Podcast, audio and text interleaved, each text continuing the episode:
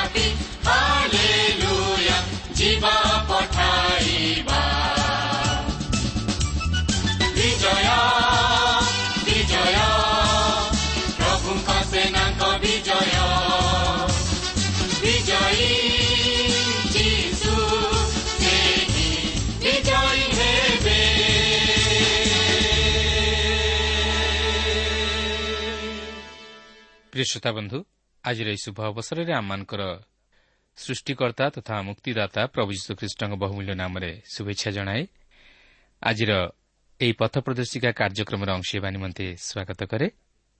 ଆପଣ ଆପଣଙ୍କର ବହୁମୂଲ୍ୟ ସମୟ ଦେଇଥିବାରୁ ଆମେ ଆପଣଙ୍କ ନିକଟରେ ବିଶେଷ ଧନ୍ୟବାଦୀ। କେବଳ ସେତିକି ନୁହେଁ ଆପଣ ପତ୍ର ମାଧ୍ୟମରେ ଥରକୁ ଥର ଆମ ସହ ଯୋଗାଯୋଗ କରି ଆପଣଙ୍କର ସାକ୍ଷ୍ୟ ଲେଖି ଜଣାଇଥିବାରୁ ଆମେ ମଧ୍ୟ ବିଶେଷ ଆନନ୍ଦିତ ଓ ପ୍ରଭୁଙ୍କ ନାମକୁ ଧନ୍ୟବାଦ ଦେଉ। ହଁ ଯେଉଁମାନେ ପ୍ରଭୁ ଯୀଶୁଙ୍କଠାରେ ବିଶ୍ୱାସ କରନ୍ତି ପ୍ରଭୁ ସେମାନଙ୍କ ଜୀବନରେ ସମସ୍ତ ସମସ୍ୟା ସମାଧାନ କରନ୍ତି ଆଉ ସେ ସେମାନଙ୍କୁ ପାପରୁ ଉଦ୍ଧାର କରି ପରିତ୍ରାଣର ଅଧିକାରୀ କରାନ୍ତି। ତେଣୁ ଆମର ବିଶ୍ୱାସ ଯେଉଁ ପ୍ରଭୁ ଯୀଶୁଙ୍କଠାରେ ଆପଣ ବିଶ୍ୱାସ କରିଅଛନ୍ତି ସେ ଆପଣଙ୍କର ସହବର୍ତ୍ତୀ ହୋଇ ସମସ୍ତ ଅବସ୍ଥାରେ ସେ ଆପଣଙ୍କୁ ସୁରକ୍ଷା ପ୍ରଦାନ କରିବେ ଆଉ ସେ ଆପଣଙ୍କୁ ସେହି ଅନନ୍ତ ଜୀବନର ପଥରେ କଢ଼ାଇ ନେବେ। ଆସନ୍ତୁ ପ୍ରଭୁଙ୍କର ବାକ୍ୟ ମଧ୍ୟକୁ ଯିବା ପୂର୍ବରୁ ସଂକ୍ଷେପରେ ପ୍ରାର୍ଥନା କରିବା। ପବିତ୍ର ପ୍ରଭୁ ତୁମର ଧନ୍ୟବାଦ କରୁଅଛି ସୁନ୍ଦର ସମୟ ପାଇଁ ତୁମର ଜୀବନ୍ତ ବାକ୍ୟ ପାଇଁ। ପ୍ରଭୁ ଯେଉଁମାନେ ଏହି ବାକ୍ୟରେ ବିଶ୍ୱାସ କରନ୍ତି ଆଉ ତୁମଠାରେ ବିଶ୍ୱାସ କରନ୍ତି ଆଉ ଯେଉଁମାନେ ବାକ୍ୟ ଅନୁଯାୟୀ ଜୀବନଯାପନ କରନ୍ତି ସେମାନେ ଆଶୀର୍ବାଦର ଅଧିକାରୀ ହୁଅନ୍ତି। ତେଣୁ ପବିତ୍ର ପ୍ରଭୁ ଆଜି ମଧ୍ୟ ତୁମର ବାକ୍ୟ ଆମମାନେ ଶୁଣୁ ଶୁଣୁ ଯେପରି ସେହି ବାକ୍ୟକୁ ହୃଦୟ ମଧ୍ୟରେ ସଞ୍ଚୟ କରି ଯେପରି ତଦନୁଯାୟୀ ଆମମାନେ ଜୀବନଯାପନ କରିବା ପାଇଁ ପାରିବୁ ସେଥିପାଇଁ ତୁମେ ଆମମାନଙ୍କୁ ଶକ୍ତି ଦିଅ। ଆଉ ତୁମର ଆଶୀର୍ବାଦ ତୁମର ଅନୁଗ୍ରହ ତୁମେ ପ୍ରତ୍ୟେକଙ୍କୁ ଦାନ କର। ପ୍ରତ୍ୟେକଙ୍କୁ ପ୍ରଭୁ ତୁମେ ସୁରକ୍ଷା କର। ପ୍ରତ୍ୟେକଙ୍କର ସମସ୍ୟା ତୁମେ ସମାଧାନ କର। ପ୍ରତ୍ୟେକ ଦୁଃଖ ତୁମେ ଦୂର କର। ଏ ସମସ୍ତ ପ୍ରାର୍ଥନା ପ୍ରିୟ ପ୍ରଭୁ ଯୀଶୁଙ୍କ ନାମ ମାଗୁଅଛୁ।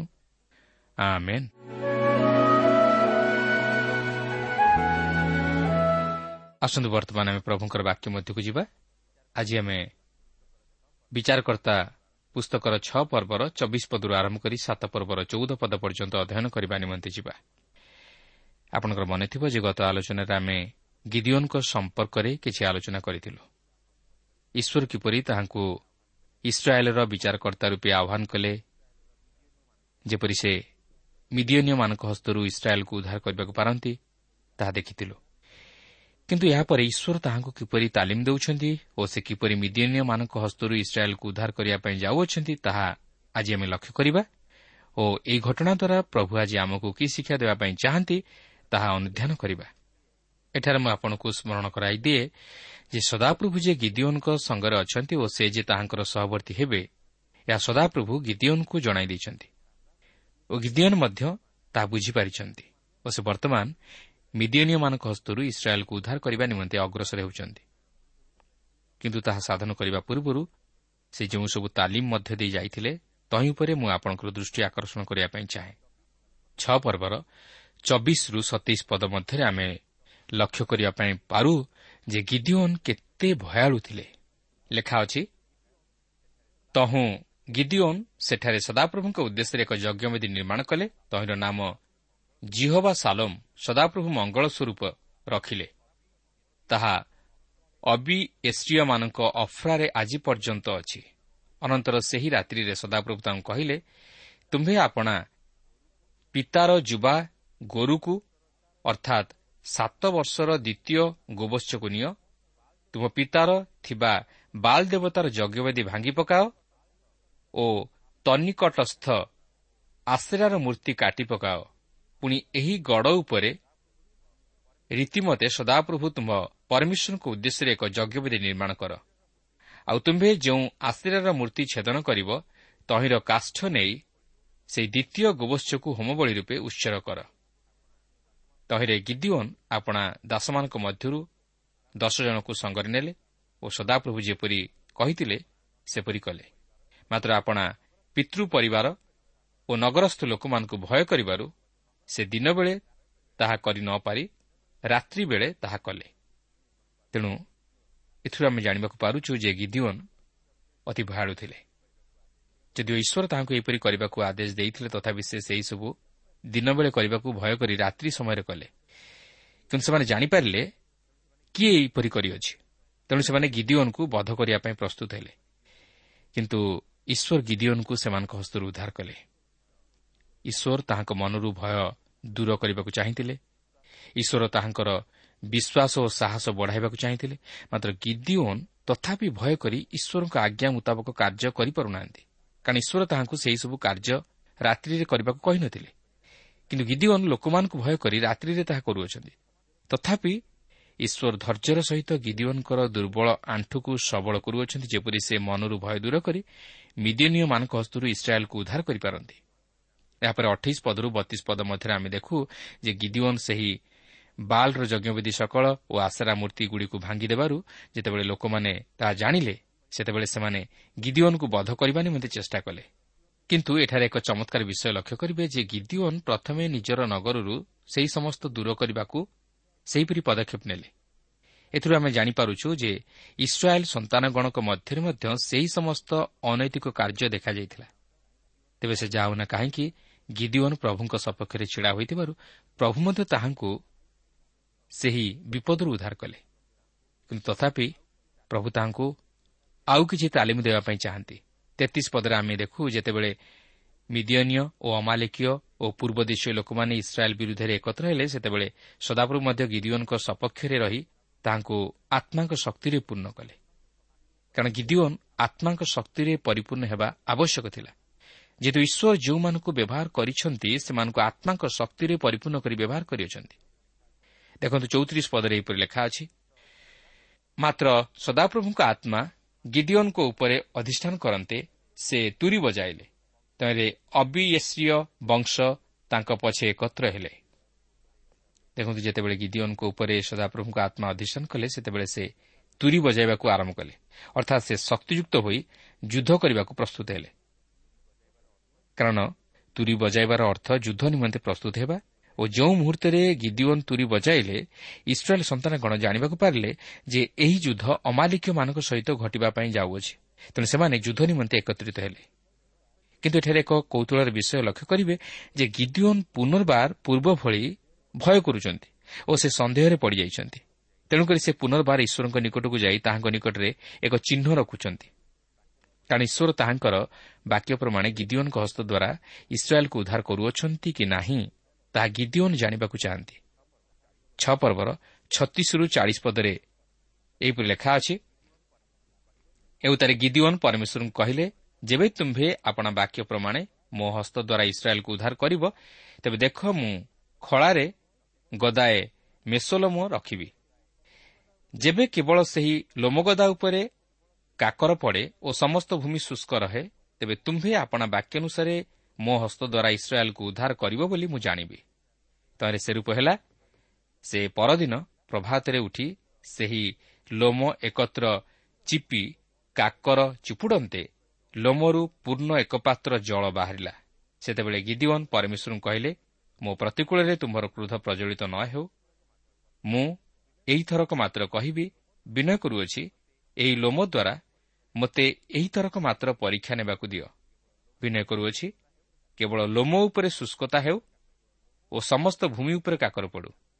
ତେଣୁ ପରମେଶ୍ୱର ସେହି ରାତ୍ରି ସେ ରୂପ କଲେ କେବଳ ଲୋମ ଉପରେ ଶୁଷ୍କତା ହେଲା ଓ ସମସ୍ତ ଭୂମିରେ କାକର ପଡ଼ିଲା। ଯଦିଓ ଗିଦିଓନ୍ ପ୍ରଭୁଙ୍କର ପ୍ରତିଜ୍ଞା ବିଷୟରେ ଜ୍ଞାତ ହୋଇଥିଲେ ତଥାପି ତାହାଙ୍କର ବିଶ୍ୱାସ ଦୁର୍ବଳ ଥିଲା। ତେଣୁକରି ସେ ଏଠାରେ ଏହିପରି ଦୁଇ ପ୍ରକାର ଚିହ୍ନ ଦ୍ୱାରା ସଦାପ୍ରଭୁଙ୍କର ବାକ୍ୟର ସତ୍ୟତାକୁ ଜାଣିବାକୁ ଚାହିଁଥିଲେ। ତେଣୁ ଏଥିରୁ ଆମେ ଜାଣିବାକୁ ପାରୁଛୁ ଯେ ସେ ଏପର୍ଯ୍ୟନ୍ତ ମଧ୍ୟ ବିଶ୍ୱାସରେ ଦୃଢ଼ ନଥିଲେ। କିନ୍ତୁ ତଥାପି ଈଶ୍ୱର ତାହାଙ୍କ ପ୍ରତି ଦୟା ବହି ତାହାଙ୍କର କହିବା ଅନୁଯାୟୀ ସେହିପରି କଲେ। କାରଣ ସେ ଗିଦିଓନ୍କୁ ବିଶ୍ୱାସରେ ଦୃଢ଼ କରିବାକୁ ଓ ସାହସିକ କରିବାକୁ ଚାହିଁଥିଲେ। ଏଥିରୁ ଆମେ ଜାଣିବାକୁ ପାରୁଛୁ ଯେ ଗିଦିଓନ୍ ଏପର୍ଯ୍ୟନ୍ତ ମଧ୍ୟ ଇସ୍ରାଏଲ୍ ସନ୍ତାନଗଣକୁ ସଙ୍ଗରେ ନେଇ ଯୁଦ୍ଧ କରିବା ନିମନ୍ତେ ପ୍ରସ୍ତୁତ ହୋଇପାରି ନାହାନ୍ତି ତେଣୁ ଈଶ୍ୱର ଏକ ସ୍ୱତନ୍ତ୍ର ଉପାୟରେ ଗିଦିଓନ୍ଙ୍କ ଜୀବନ ଦ୍ୱାରା ତାହାଙ୍କର ଅଭିମତକୁ ସଫଳ କରିବା ପାଇଁ ଯାଉଅଛନ୍ତି ଯାହାକି ଆମେ ସାତ ପର୍ବରେ ଦେଖିବାକୁ ଯିବା। ତେବେ ଏଠାରେ ଆମେ ଛଅ ପର୍ବଟି ଅଧ୍ୟୟନ କରି ସମାପ୍ତ କଲୁ ମାତ୍ର ଏହାପରେ ଆମେ ସାତ ପର୍ବ ମଧ୍ୟକୁ ଯିବା। ସାତ ପର୍ବରେ ପ୍ରଥମେ ଆମେ ଦେଖୁ ଯେ ତିନିଶହ ସଜାଗ ସୈନ୍ୟ ମନୋନୀତ ହେଉଛନ୍ତି। ତେବେ ସାତ ପର୍ବର ପ୍ରଥମ ଦୁଇ ପଦରେ ଏହିପରି ଲେଖା ଅଛି ଅନନ୍ତର ଜିରୁବାଲ ଅର୍ଥାତ୍ ଗିଦିଓନ୍ ଓ ତାଙ୍କର ସଙ୍ଗୀ ସମସ୍ତ ଲୋକ ପ୍ରଭାତରେ ଉଠି ହାରୋଦ ନିର୍ଝର ନିକଟରେ ଛାଉଣି କଲେ। ସେ ସମୟରେ ମିଦିଅନର ଛାଉଣି ସେମାନଙ୍କ ଉତ୍ତର ଆଡ଼େ ମୋରି ପର୍ବତ ନିକଟସ୍ଥ ତଳଭୂମିରେ ଥିଲା। ଏବଂ ତାର ସଦାପ୍ରଭୁ ଗିଦିଓନ୍କୁ କହିଲେ ତୁମ ସଙ୍ଗୀ ଲୋକମାନେ ଏତେ ଅଧିକ ଯେ ଆମ୍ଭେ ମିଦିୟନୀୟମାନଙ୍କୁ ସେମାନଙ୍କ ହସ୍ତରେ ସମର୍ପଣ କରି ନ ପାରୁ। କଲେ ଆମ୍ଭ ନିଜ ହସ୍ତ ଆମ୍ଭକୁ ଉଦ୍ଧାର କରିଅଛି। ଏହା କହି ଇସ୍ରାଏଲ୍ ଅବା ଆମ୍ଭ ପ୍ରତିକୂଳରେ ଦର୍ପ କରିବ। ଏଥିରୁ ଆମେ ଜାଣିବାକୁ ପାରୁଛୁ ଯେ ଗିଦିଓନ୍ଙ୍କ ପରି ଜଣେ ବ୍ୟକ୍ତିଙ୍କୁ ଈଶ୍ୱର ଇସ୍ରାଏଲ୍ର ବିଚାରକର୍ତ୍ତା ରୂପେ ମନୋନୀତ କରିବାର ଉଦ୍ଦେଶ୍ୟ। କେବଳ ଗିଦିଓନ୍ ନୁହନ୍ତି। ଗିଦିଓନ୍ଙ୍କ ପରି ଈଶ୍ୱର ଯେତେ ଜଣ ବିଚାରକର୍ତ୍ତାଙ୍କୁ ମନୋନୀତ କରିଅଛନ୍ତି ସେ ସମସ୍ତଙ୍କ ନିମନ୍ତେ ମଧ୍ୟ। କାରଣ ଈଶ୍ୱର ଚାହାନ୍ତି ନାହିଁ ଯେ ମନୁଷ୍ୟ ନିଜର ସାମର୍ଥ୍ୟ ବା ଶକ୍ତି ଉପରେ ନିର୍ଭର କରୁ କିମ୍ବା ତହିଁ ନିମନ୍ତେ ଗର୍ବ କରୁ। କିନ୍ତୁ ସେ ଚାହାନ୍ତି ମନୁଷ୍ୟ ଯେପରି ତାହାଙ୍କୁ ଗୌରବ ଦେଉ ଓ ତାହାଙ୍କ ଉପରେ ନିର୍ଭର କରୁ। ତେଣୁକରି ସେ ସାଧାରଣ ଲୋକମାନଙ୍କ ଦ୍ୱାରା ତାହାଙ୍କର ଅସାଧାରଣ କାର୍ଯ୍ୟମାନ ସାଧନ କରନ୍ତି ଓ ବଳବାନମାନଙ୍କୁ ଲଜ୍ଜା ଦେବା ନିମନ୍ତେ ଦୁର୍ବଳମାନଙ୍କୁ ଶକ୍ତିଯୁକ୍ତ କରନ୍ତି। ତାହିଁ ଈଶ୍ୱର ଗିଦିଓନ୍ଙ୍କ ଜୀବନରୁ ଆଶା କରିଥିଲେ ଯେପରି ଗିଦିଓନ୍ ନିଜ ଉପରେ ନିର୍ଭର ନ କରି ଈଶ୍ୱରଙ୍କ ଉପରେ ନିର୍ଭର କରନ୍ତି। ବର୍ତ୍ତମାନ ଲକ୍ଷ୍ୟ କରିବେ ଗିଦିଓନ୍ ବତିଶ ହଜାର ସୈନ୍ୟଙ୍କୁ ସଙ୍ଗରେ ଏକତ୍ର କରି ଯୁଦ୍ଧ କରିବା ନିମନ୍ତେ ପ୍ରସ୍ତୁତ ହେଉଛନ୍ତି। କିନ୍ତୁ ବୋଧହୁଏ ସେ ଆହୁରି ଅଧିକ ସୈନ୍ୟ ଚାହୁଁଥିଲେ।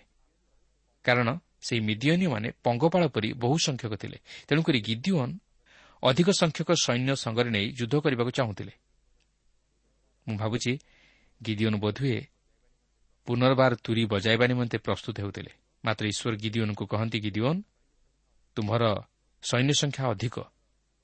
ତେଣୁ ଏହି ବତିଶ ହଜାର ସୈନ୍ୟଙ୍କ ଦ୍ୱାରା ମୁଁ ତୁମକୁ ଯୁଦ୍ଧରେ ବିଜୟୀ ହେବାକୁ ଦେବି ନାହିଁ।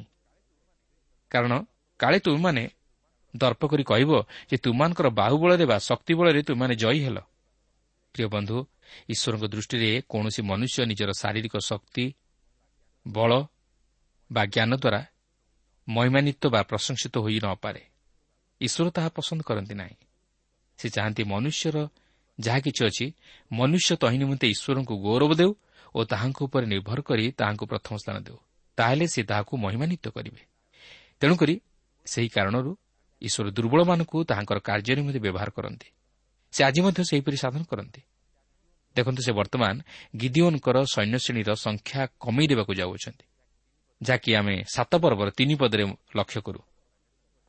ଗିଦିଓନ୍ଙ୍କର ସୈନ୍ୟ ସଂଖ୍ୟା ବତିଶ ହଜାର ଥିଲା କିନ୍ତୁ ବର୍ତ୍ତମାନ ସେଥିରୁ ବାଇଶ ହଜାର ବାହାରିଗଲେ କାରଣ ସେମାନେ ଭୟ କରୁଥିଲେ।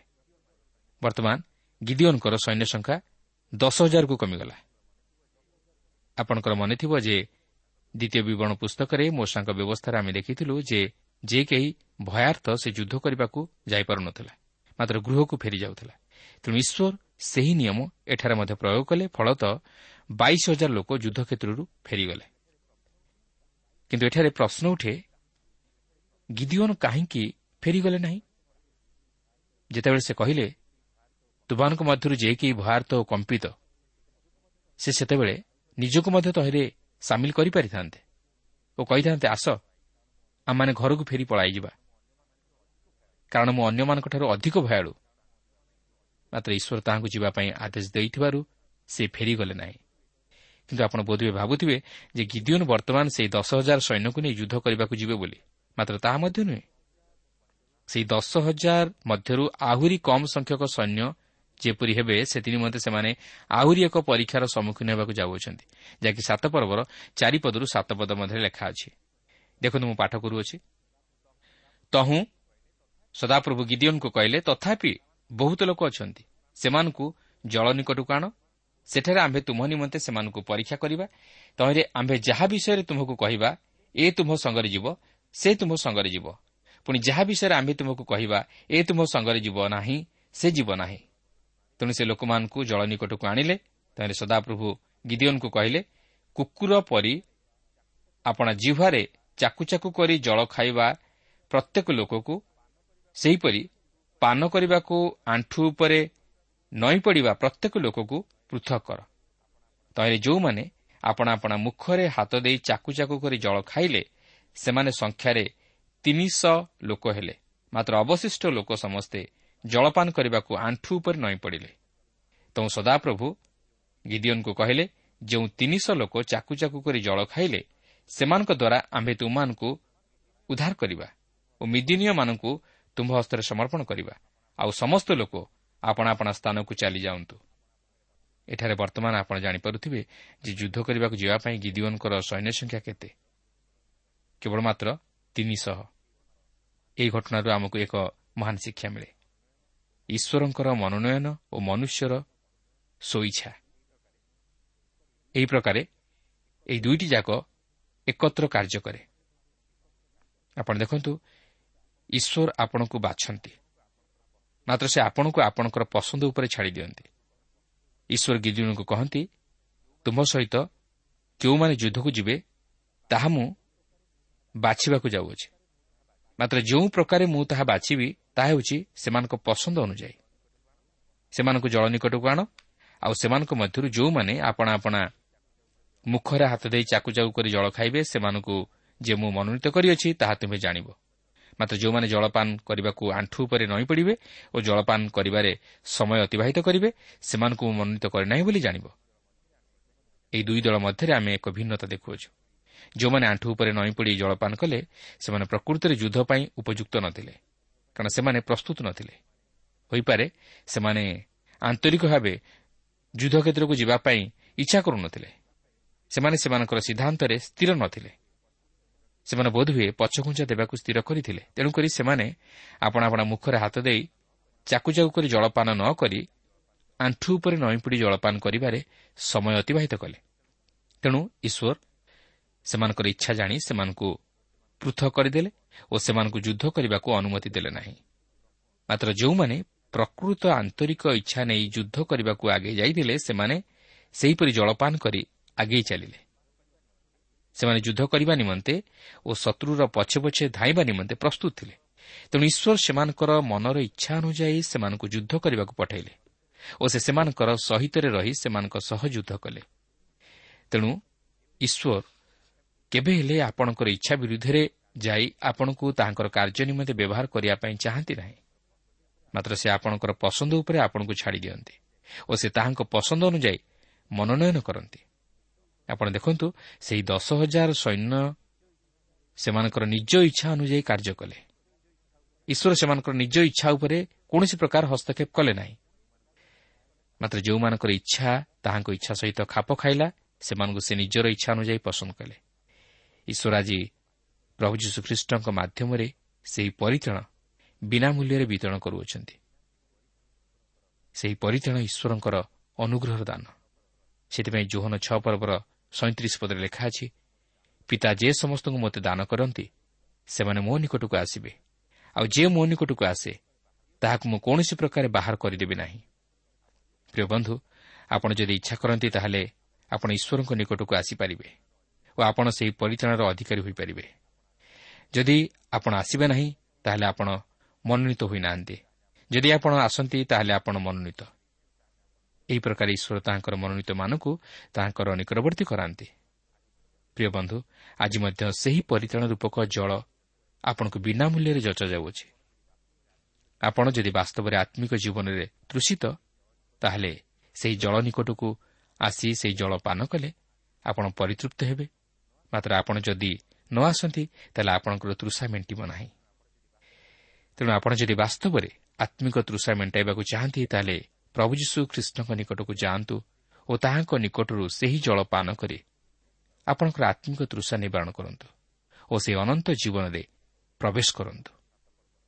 ଏହାପରେ ସାତ ପର୍ବର ନଅ ପଦରୁ ଚଉଦ ପଦରେ ଆମେ ଦେଖୁ ଯେ ଗିଦିଓନ୍ ଯୁଦ୍ଧକୁ ଯିବା ପୂର୍ବରୁ ଈଶ୍ୱର ତାହାଙ୍କୁ ଶେଷଥର ପାଇଁ ଏକ ଶିକ୍ଷା ଦେଉଛନ୍ତି।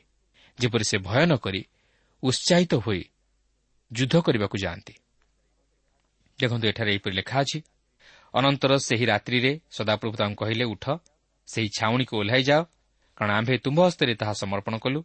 ମାତ୍ର ତୁମ୍ଭେ ଯିବାକୁ ଭୟ କଲେ ତୁମ୍ଭ ଦାସ ଫୁରାକୁ ସଙ୍ଗେ ନେଇ ଛାଉଣିକି ଓହ୍ଲାଇ ଯାଅ।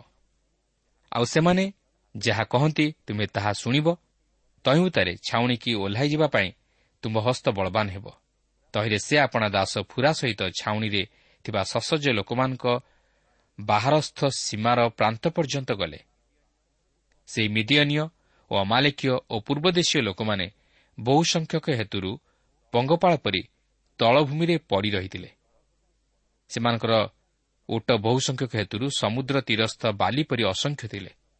ପୁଣି ଗିଦିଓନ୍ ଉପସ୍ଥିତ ହେଲାବେଳେ ଦେଖ ଜଣେ ଲୋକ ଆପଣା ସଙ୍ଗୀକି ଗୋଟିଏ ସ୍ୱପ୍ନ ଜଣାଇ କହିଲା ଦେଖ ମୁଁ ସ୍ୱପ୍ନ ଦେଖିଲି ଯେ ଏକ ଜବରୁଟି ମିଦିୟନୀୟ ଛାଉଣି ଆଡ଼କୁ ଗଡ଼ି ତମ୍ବୁକୁ ଆସି ଆଘାତ କରନ୍ତେ ତାହା ପଡ଼ିଗଲା ପୁଣି ତାକୁ ଓଲଟାଇ ପକାନ୍ତେ ସେହି ତମ୍ବୁ ଶୋଇପଡ଼ିଲା। ତହୁଁ ତାହାର ସଙ୍ଗୀ ଉତ୍ତର କରି କହିଲା ଏହା ଇସ୍ରାଏଲୀୟ ଜୟାସର ପୁତ୍ର ଗିଦିଓନଙ୍କର ଖଡ଼ଗ ଛଡ଼ା ଆଉ କିଛି ନୁହେଁ। ପରମେଶ୍ୱର ମିଦିଓନକୁ ଓ ସମୁଦାୟ ସୈନ୍ୟ ଦଳକୁ ତା ହସ୍ତରେ ସମର୍ପଣ କରିଅଛନ୍ତି।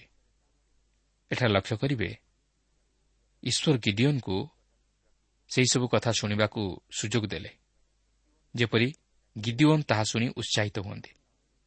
କାରଣ ମିଦିଓନୀୟମାନଙ୍କ ଉପରେ ଗିଦିଓନ୍ ଓ ତାହାଙ୍କର ସଙ୍ଗୀ ସମସ୍ତେ ଯେ ବିଜୟ ଲାଭ କରିବାକୁ ଯାଉଅଛନ୍ତି ତାହା ସେମାନେ କଥାବାର୍ତ୍ତା ହେଉଥିଲେ।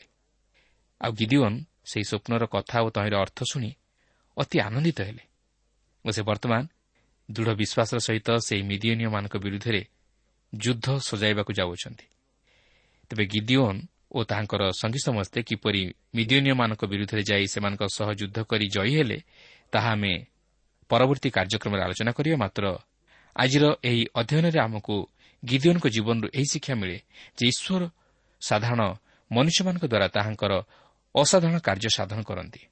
ଯେତେବେଳେ ଆମେ ନିଜକୁ ଦୁର୍ବଳ ମନେକରି ତାହାଙ୍କର ଇଚ୍ଛା ଉପରେ ନିର୍ଭର କରୁ ଓ ତାହାଙ୍କଠାରୁ ଶକ୍ତି ଭିକ୍ଷା କରି ଓ ତାହାଙ୍କଠାରେ ବିଶ୍ୱାସ କରି ତାହାଙ୍କ କାର୍ଯ୍ୟ କରିବା ନିମନ୍ତେ ପଦକ୍ଷେପ ନେଉ ସେତେବେଳେ ସେ ଆମମାନଙ୍କ ଦ୍ୱାରା ତାଙ୍କର କାର୍ଯ୍ୟ ସାଧନ କରନ୍ତି ଓ ସେ ଚାହାନ୍ତି ଆମେ ଯେପରି ନିଜର ଶକ୍ତି ବା ଜ୍ଞାନ ବା ମନୁଷ୍ୟମାନଙ୍କ ଉପରେ ନିର୍ଭର ନ କରି ତାହାଙ୍କ ଉପରେ ନିର୍ଭର କରୁ ଓ ତାହାଙ୍କୁ ସବୁ ଅବସ୍ଥାରେ ଓ ସବୁ କାର୍ଯ୍ୟରେ ପ୍ରଥମ ସ୍ଥାନ ଦେଇ ତାହାଙ୍କର ଗୌରବ କରୁ। ତେଣୁ ପ୍ରିୟ ବନ୍ଧୁ ଆଜି ଯଦି ଆମେ ନିଜ ଇଚ୍ଛାରେ ତାହାଙ୍କର ଇଚ୍ଛାକୁ ଯୋଗ ନ କରି ତାହାଙ୍କର ଇଚ୍ଛାରେ ନିଜର ଇଚ୍ଛାକୁ ଯୋଗ କରି ତାହାଙ୍କ କାର୍ଯ୍ୟ କରିବା ତାହେଲେ ଆମେ ସଫଳତା ଲାଭ କରିପାରିବା ଓ ଆମମାନଙ୍କ ଜୀବନ ଦ୍ୱାରା ଈଶ୍ୱରଙ୍କର ମହତ ଅଭିମତ ସଫଳ ହୋଇପାରିବ।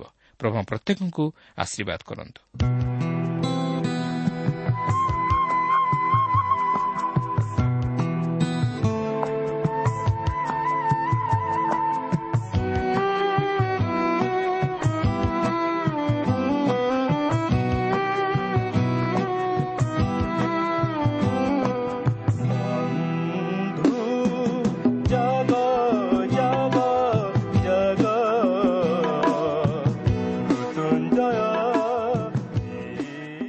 ଶ୍ରୋତା ଆପଣ ଈଶ୍ୱରଙ୍କ ବାକ୍ୟ ଶୁଣିବା ନିମନ୍ତେ ସମୟ ଦେଇଥିବାରୁ ଆମେ ଧନ୍ୟବାଦୀ। ଆପଣ ଯଦି ପ୍ରଭୁ ଯୀଶୁଙ୍କର ବାକ୍ୟ ବିଷୟରେ ଓ ତାହାଙ୍କର ପ୍ରେମ ବିଷୟରେ ଅଧିକ ଜାଣିବାକୁ ଚାହାନ୍ତି ଯାହାକି ଆପଣଙ୍କୁ ପାପରୁ ଉଦ୍ଧାର ପାଇବା ନିମନ୍ତେ ପଥ ଦେଖାଇବ ତାହେଲେ ଆମ ସହିତ ପତ୍ର ମାଧ୍ୟମରେ ଅଥବା ଟେଲିଫୋନ୍ ଯୋଗେ ଯୋଗାଯୋଗ କରନ୍ତୁ। ଆମର ଠିକଣା ପଥ ପ୍ରଦର୍ଶିକା trans world radio India post box number তিন তিন ভুবনেশ্বর সাত পাঁচ এক শূন্য শূন্য এক। Mobile number nine seven double seven double two one four one five. ঠিকনাটি আউথরে শুণন্তু পথ প্রদর্শিকা trans world radio India post box number three three Bhubaneswar seven five one zero zero one. Mobile number nine seven double seven double two one four one five. ଆମର email ଆଡ୍ରେସଟି ଲେଖି ରଖନ୍ତୁ Odia TTV at radio eight eight two dot com ତେବେ ଆଜି ପାଇଁ ଏଇଠାରେ ରଖୁଛୁ। ପ୍ରଭୁ ଯୀଶୁ ଆପଣଙ୍କୁ ଆଶୀର୍ବାଦ କରନ୍ତୁ। ନମସ୍କାର। ପାଇଲାଣି କୃଷେ ହତ ଖ୍ରୀଷ୍ଟ ଉଠିଲେଣି।